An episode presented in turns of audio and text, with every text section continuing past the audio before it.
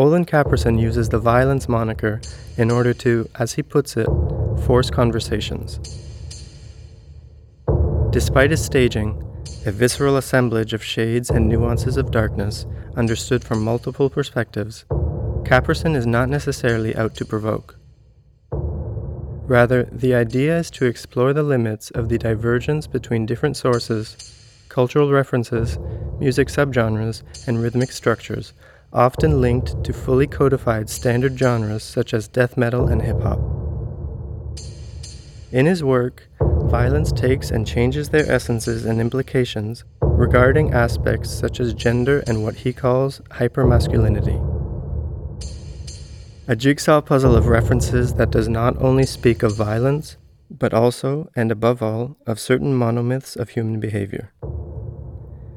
We talked to Olin Caprison about limits, archetypes, connections, scenes, violence, rhythm, and freedom, or what that catch all word means beyond the cliches of neoliberal fantasies. This project started because I was like having trouble sleeping and I started making like ambient electronic stuff. And then eventually I started just mashing other shit into that. But all of the work that I make, the visual work, music, all of it has this ritualistic aspect of it. And that's just me interrogating just history. All of human history is, is based around repetition and that's the only thing that creates meaning in our lives is repeating things. Anything that exists alone exists in a vacuum and has no meaning. It has no reference. That's why everybody thinks, you know, crazy people are crazy because they do stuff that no one can understand that doesn't there's no language to communicate it to other people. That could be like true originality, but really it doesn't matter because no one will ever understand it and it'll just be lost like everything else. It, it only matters to the person doing those actions. The ritualistic aspect of it is just me interacting with a lot of monomyths of uh, human behavior, which is really simple to say, but uh, the way it comes out um, is really fresh for me. And uh, repeating the same actions, you always notice new details, things that deviate from the original template, where you discover new meanings for older things, new relationships to other ideas.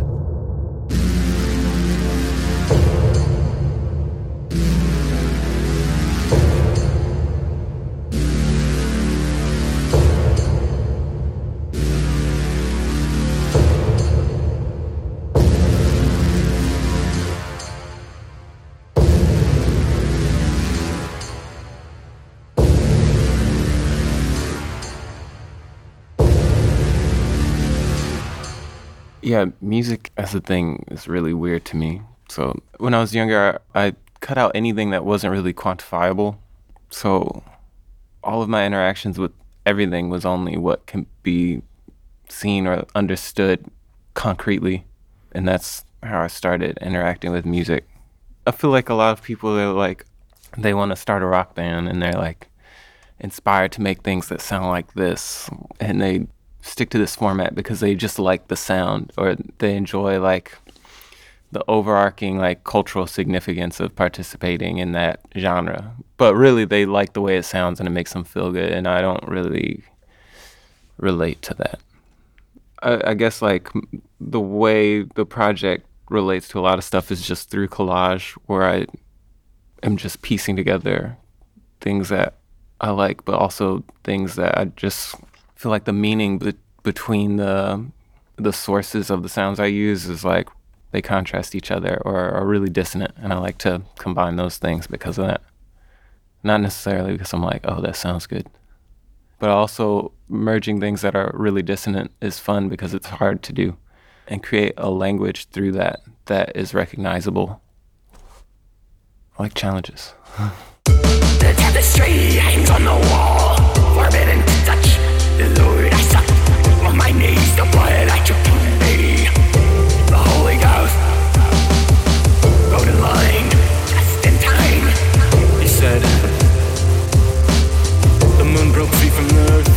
became defined. It is definitely a critique, but also an analysis. And also, I'm not trying to make everything invalid. I'm just trying to force a conversation through the interactions of the different kinds of mediums. And I utilize really disparate things like metal, like death metal, like really conservative communities. I mean, hip hop uh, and rap, that's like really, actually really conservative, even though no one would really associate it with that. It's conservative in that the identity of a person that is a part of that world is really clearly defined against everything else. You have to adhere to certain rules, look a certain way, you have to talk like be a certain way in order to be valid or legitimized through the culture. And metal is the same way. And I mix things like that with like like trance and like more minimal music or like more highbrow or something. I, I try and and in that context of like um, collaging all of these different things together is it forces that conversation for me. Like I like that just the compositions themselves will create that, and I also like that my participation in it, in the live aspect of it, and like touring constantly and playing like really strange venues forces other conversations on top of it where I have played in like biker bars and metal bars and metal venues and and museums and all kinds of different different venues and bringing different people together in those environments like all the queer kids and the weird kids the ravers metalheads like like old bikers in the same venue. And like at first everybody like it's like the people that aren't are familiar if they're interested they're like really curious and they're interested in the spectacle. And if they have no idea what's what they're getting into if they're like a local or something generally they start off sort of disgusted. And by the end of it they're like wow that was like like i'm, I'm getting like really unusual people coming up to me afterwards. Like at first i was like this is this is really fucking gay. I, I hate this. And then by the end of it, I thought it was really cool. Like I've gotten stuff like that so many times, and it's like weird, but it's interesting. Not something I'm I'm particularly uh, invested in personally, just because I like to be fortified on my own. But I like that it happens, and I like that I can be a facilitator of something like that, just because it's so strange.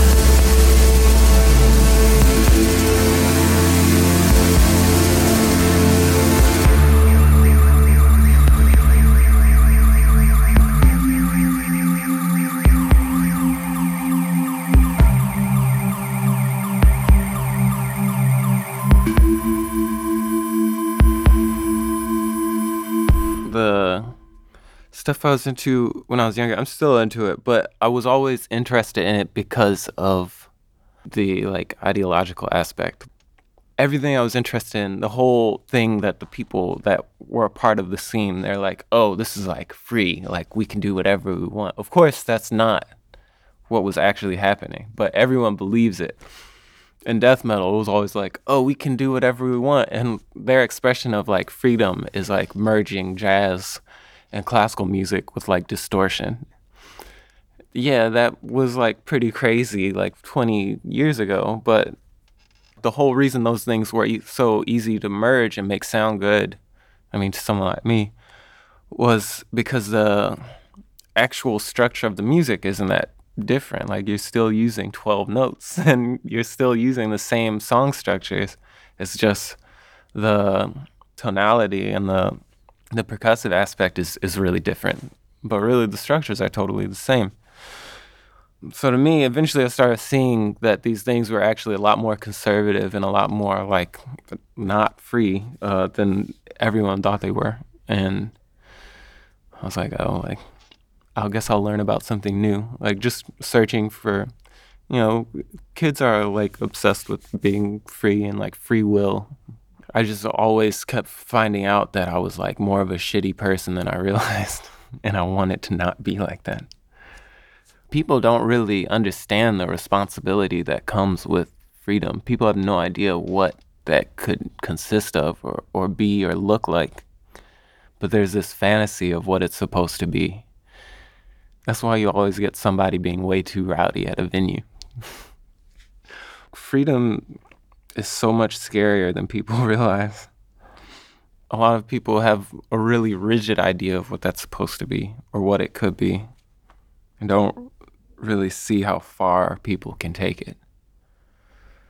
But at the same time, I don't want to sound like I'm like really conservative and like fearful of what people are capable of, even though I am. and I feel like everyone should be. Because people are scary.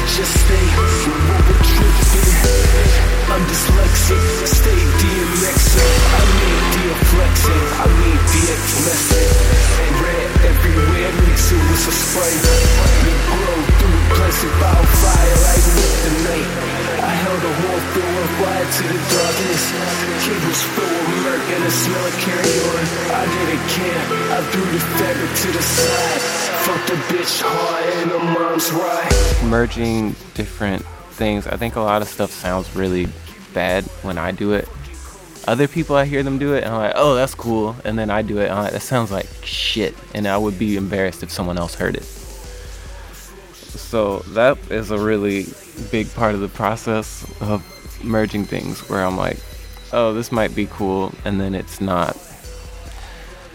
A big part of it is just the historical aspect, like, uh, structures of um, different genres and how they relate to each other. Like, I just have really high standards for myself and don't like a lot of stuff I make. I'm always surprised that, that there are even people at shows.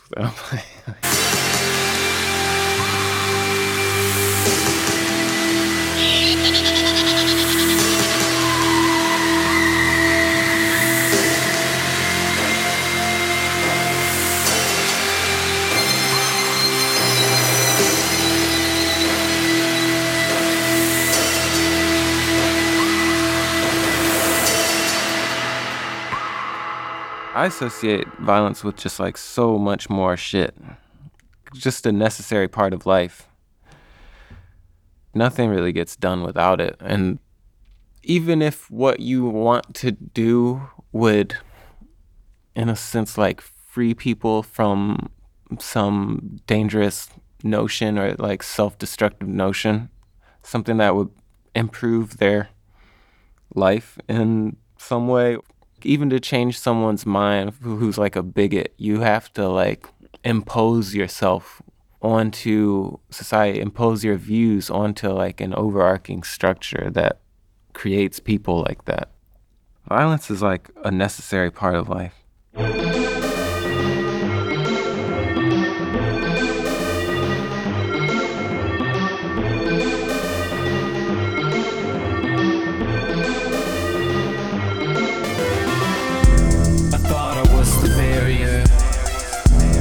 Took you in my arms to protect from the things that would mean to do you harm. What could be done to protect you from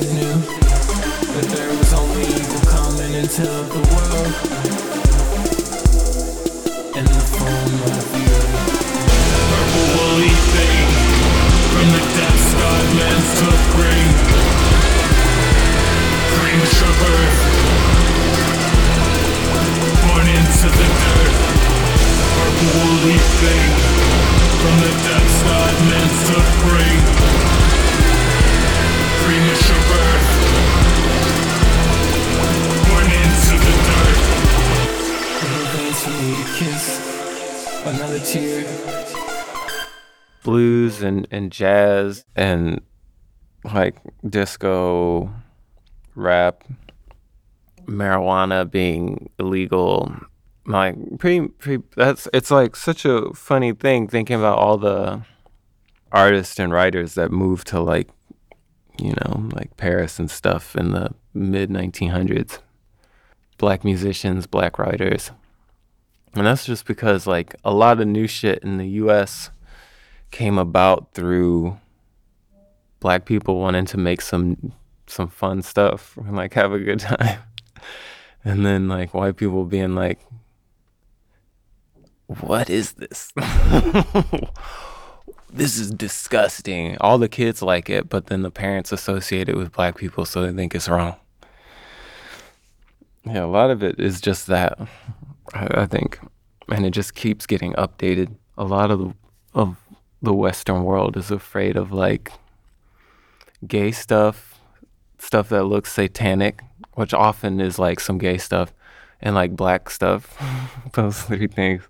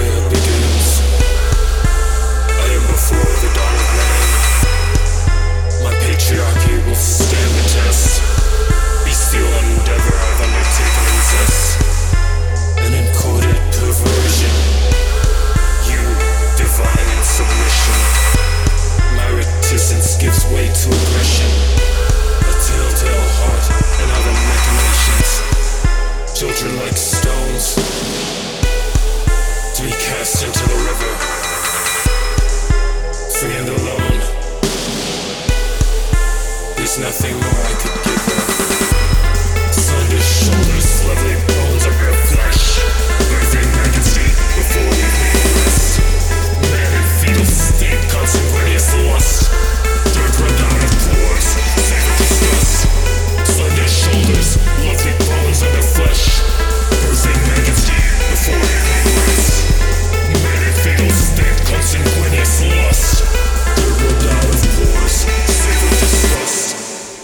states there's all these warnings for like military veterans for fourth of july where it's like oh like they put up signs in the front yard and it says the veteran lives here. Please don't let off fireworks. And it feels the same way like a lot of stuff where i enjoy it but at the same time it like really sort of scares me like a lot of the drill stuff and the trap shit. Like i come out leave the us and people listen to it in the club and i'm just like the music's just about people killing each other and i'm like why why are y'all dancing to this like I mean, I understand. Like, I dance to it too sometimes, but at the same time, I'll be in the club and then all of a sudden I feel like really taken aback and I'm like remembering shit. And it, it scares me and then I leave. So it's really strange the disconnect. I mean, rap music is like really weird, hyper capitalistic music, makes money from like misery. Like the shaman, you know, all that stuff is the same story being told since prehistory of the the outsider, you know, like seeing things differently and having a better view of things just because they're more of a weirdo and aren't a part of it. And I feel like this is it's like a really unpopular thing to say. Like i am I'm pretty sure I have friends if they heard me like say that in their interview, they'd be like, "Why would you say that?" Like so other people can hear it because it's sort of like a private thing. Like there is like this let's get money. Let's use this template, this format that people are familiar with. People use it in a personal way. Like, like these stories aren't coming from nowhere. Sometimes they are. I definitely have met artists that like pretend to come from that place and they use they utilize that narrative to like make money. That's like one of the things I'm like constantly interrogating in my own music is uh that aspect of the the kinds of things that everyone interacts with. The like actual violence that I've been a part of and witnessed in my life. Like once I started thinking about it, I felt like really denigrated listening to it. The pop music shit has like a whole nother aspect of it. Um, cause pop music is actually really fucking creepy. I listen to a lot of stuff when I decide that I'm gonna listen to music, but often it's like like soundtracks and stuff, but sometimes I'll put on I'll like just YouTube like best pop songs 2018 for June and then there'll be like a 2 hour long playlist and I'll just put that on just to like it's always it's the same stuff, but the format is more acceptable and the language is like sneakier. It's the same kinds of violence. It's always it's, it's the same masculinity. It's the same denigration of femininity. It's the same thing. It's just the language is different. I feel like everybody has those moments where they actually like they're like dancing in the club and they actually start listening to the the lyrics in the songs and they're like, "Oh, this is gross. This is rapey." Child, the father of man.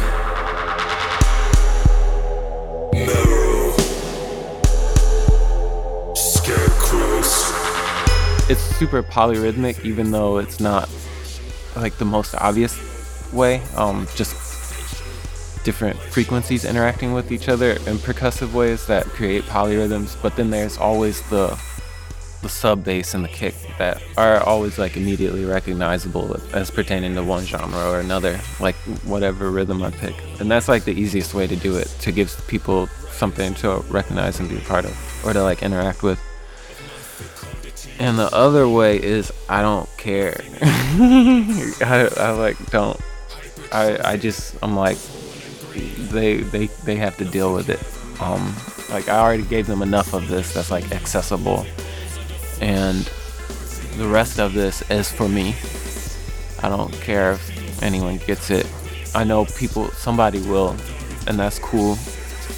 I mean, I always view art as a historical document. All art is just a document about that time and place and people's values then and what they, you know, aesthetic sensibilities and the way those things relate to their world. But so I I see my work as summarizing a lot of things that I'm interacting with or, or I think are interesting.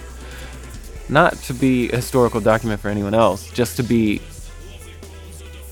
like this hyper referential thing. It's the way I interact with a lot of stuff isn't through blatantly stating anything. It's through a phrase that's a catalyst that not verbal. It's like tree branches of ideas. There's like a central one that connects to another thing that's like this whole other tree and then it explodes from there.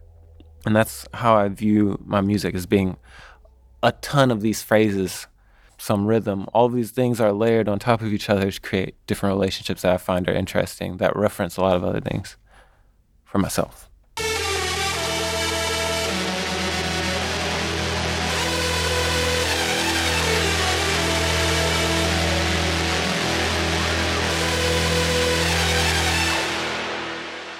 I grew up in the church, but I was never a part of it really. I always hated it. I never really trusted what was going on. Even when I was very, very young, I didn't believe in God. And then my environment was constantly just shifting between like city and the country, urban life and like suburbs. When I was really young, I went to a school that was like outside of where I was supposed to go to. So I was interacting with different kinds of people. And then I ended up in Baltimore. I was getting treated really peculiarly there because of where I had come from. It gave me like a weird status as a kid from the hood. And then I ended up going to art school through like a really funny thing. I um I used to hang out with my pastor a lot and I would read a lot of really weird books. And eventually I ended up reading like Foucault's Pendulum and I brought that to my interview at the art school and this guy came up to me and was like, What are you reading? And I was like, Foucault's Pendulum. And I like explained it, how I viewed it then to him. And he was like, Oh, okay. What's your name? And I told him my name. And eventually I got into the school and I realized that I was like the head of the school. But the school I had gone to before that didn't have art classes or anything. So I, I just felt like really lucky at the time. But I, I just was constantly being exposed to different ways of viewing things. And I was never really fitting into anywhere I was at the time, like North Carolina, Baltimore. My dad lived in like weird fancy neighborhood. My mom lived in the city in like a really screwed up place. So I was just constantly having to interact with extremes of like society and that's probably what made it so easy for me to you know, the blank slate of like interacting with different kinds of art and mediums just because I was so used to having these different extremes of thought around me that I started being seeing all the how pretty much everything is the same. all of the structures are the same. Just the the language is a little different.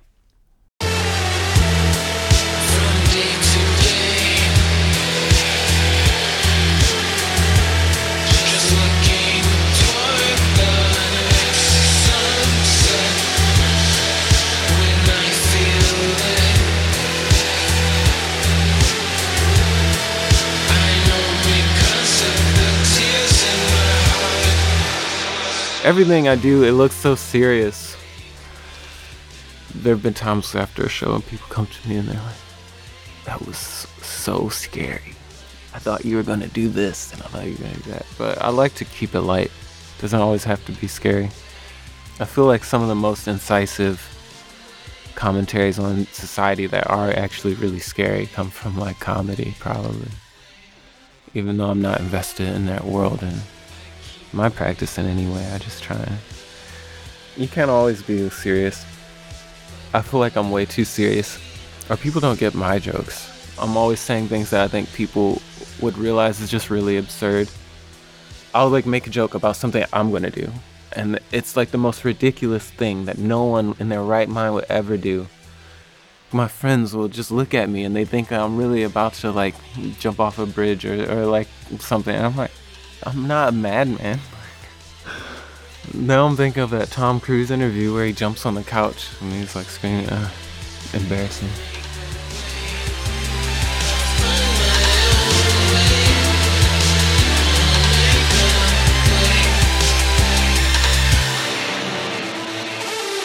I like science fiction that's like a lot of it's just like expanding the idea of like what it means to be human but I also like science fiction that's like really optimistic, like Star Trek, which is the opposite of like everything I make for the most part. Like I have some newer things where the structure is uh, a lot different from the older stuff, where there is no particularly like blatant political message through verbalization, but and maybe that is relating more to science fiction stuff, but I feel like generally my my music is and my art is very just that's too much about like my life or like where I I come from to be um like really optimistic just because I've I've just seen so how terrible people are already. I'm really optimistic about the future just because I choose to be. I'm like people can be good, but generally I don't think that at all.